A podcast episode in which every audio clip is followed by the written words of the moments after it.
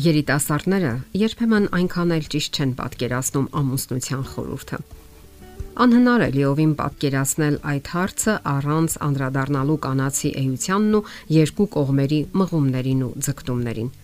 Եվ թե ինչպես են նրանք օգնում միմյանց եւ ներդաշնակ ձևով նավարկում ընտանեկան նավը կենսական փոթորիկների միջով։ Հայազգի նշանավոր արցակագիր Վիլյամ Սարոյանը գրում է. Ամբուժելի ողջեր ահա թե ով ենք մենք։ Մենք բաղձում ենք փառավոր, լուսավոր եւ մոգական գեղեցկությանն ու ուժին, որ կոչվում է կին։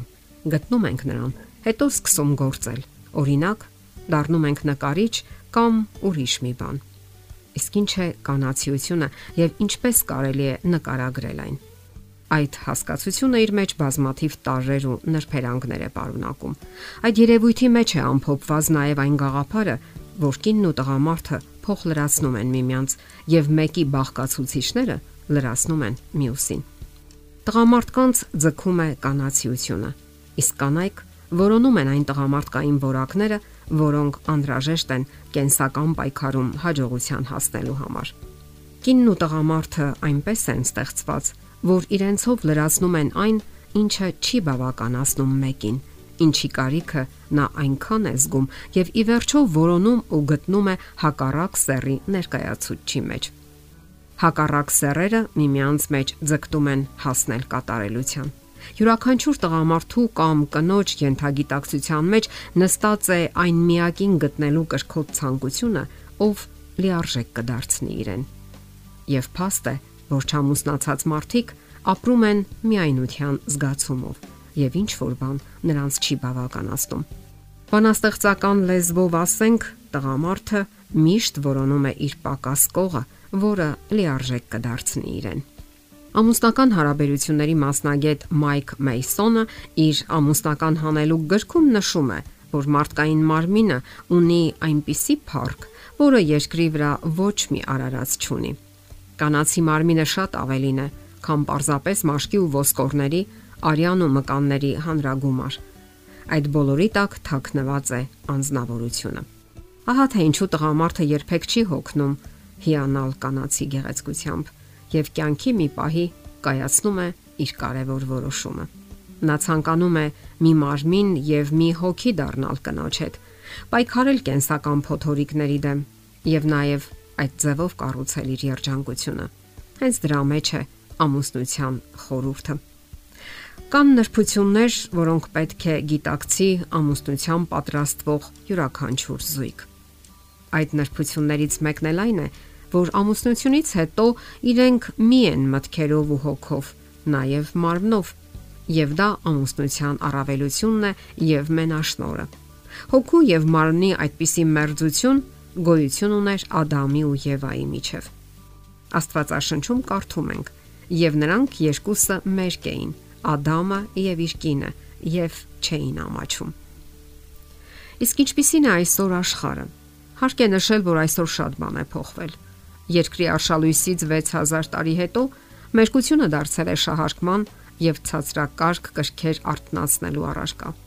Ամուսնության խորհուրդը վերածվել է շահարկման նյութի։ Հաշվի չի առնվում այն པարզ իրողությունը, որ մերկ կինը իր ողջ գեղեցկությամբ տղամարդկանց ասում է. Ես քեզ մոտ եմ եկել։ Ես միայն քո աչքերի համար եմ մերկացել։ Այս աստված կամ չաստված խոսքերը մի բան են նշանակում։ Ես ցանկանում եմ մերձ եւ խոր հարաբերություն քեզ հետ։ Սակայն պետք է ասել, որ ճշմարիտ մերձությունը կարող է առաջանալ միայն սիրո ու վստահության, այլ կերպ ասած, ամուսնության մթնոլորտում։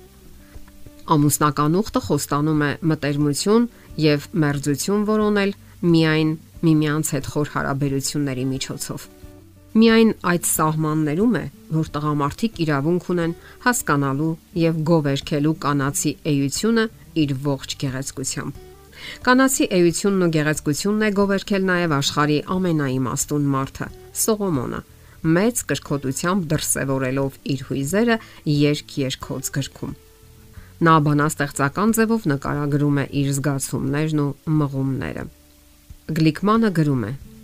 Սողոմոնի եւ Սուլամիթի սերը կատարյալ ձևով արտացոլվել է համաշխարային գրականության մեջ նկարագրված ամենահուզիչ եւ նրբաճաշակ սիրային տեսարաններից մեկում։ Ահա սա է ամուսնության խորհուրդը։ Երկուսը մեկ մարմին են դառնում, միաձուլվելով էությամբ եւ ֆիզիկապես։ Այդ երջանիկ պահերին է, որ տղամարդը մի ամբողջություն է դառնում նրա հետ, ով ստեղծվել է իր համար։ Իսկ սիրո խաղահրապարակը, ամուսնությունը նպատակ ունի լինելու այն սանձը, որը կարգավորում է մարդկային բնույթի մեջ արկա սիրո, սեռական հարաբերությունների ցանկությունը։ Հակառակ դեպքում կրքերը կդառնան անվերահսկելի, ցավ պատճառելով բոլորին։ Վերջին հաշվով մարդը կենթանուց տարբերվում է նաև նրանով, որ ընդունակ է վերահսկելու եւ ուղղորդելու իր բավականաչափ ուժեղ պահանջմունքները։ Ահա ամուսնական միության խորհուրդն ու իմաստը հոգու եւ մարմնի գիտակցված եւ իմաստավորված միաձուլում, որպես ամուսնական ուխտի արհավատչա, սիրո եւ գեղեցկության խորհուրդ տղամարդու եւ կնոջ միջև։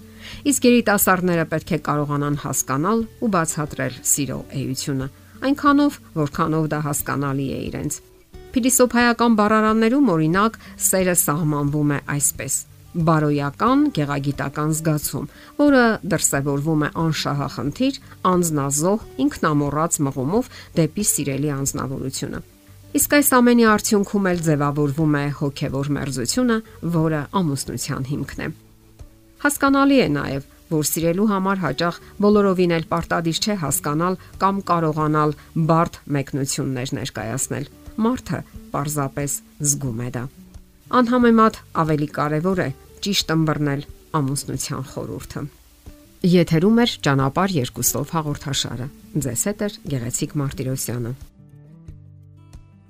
Հարցերի եւ առաջարկությունների դեպքում զանգահարեք 094 08 2093 հեռախոսահամարով։ Հետևեք մեզ hopmedia.am հասցեով։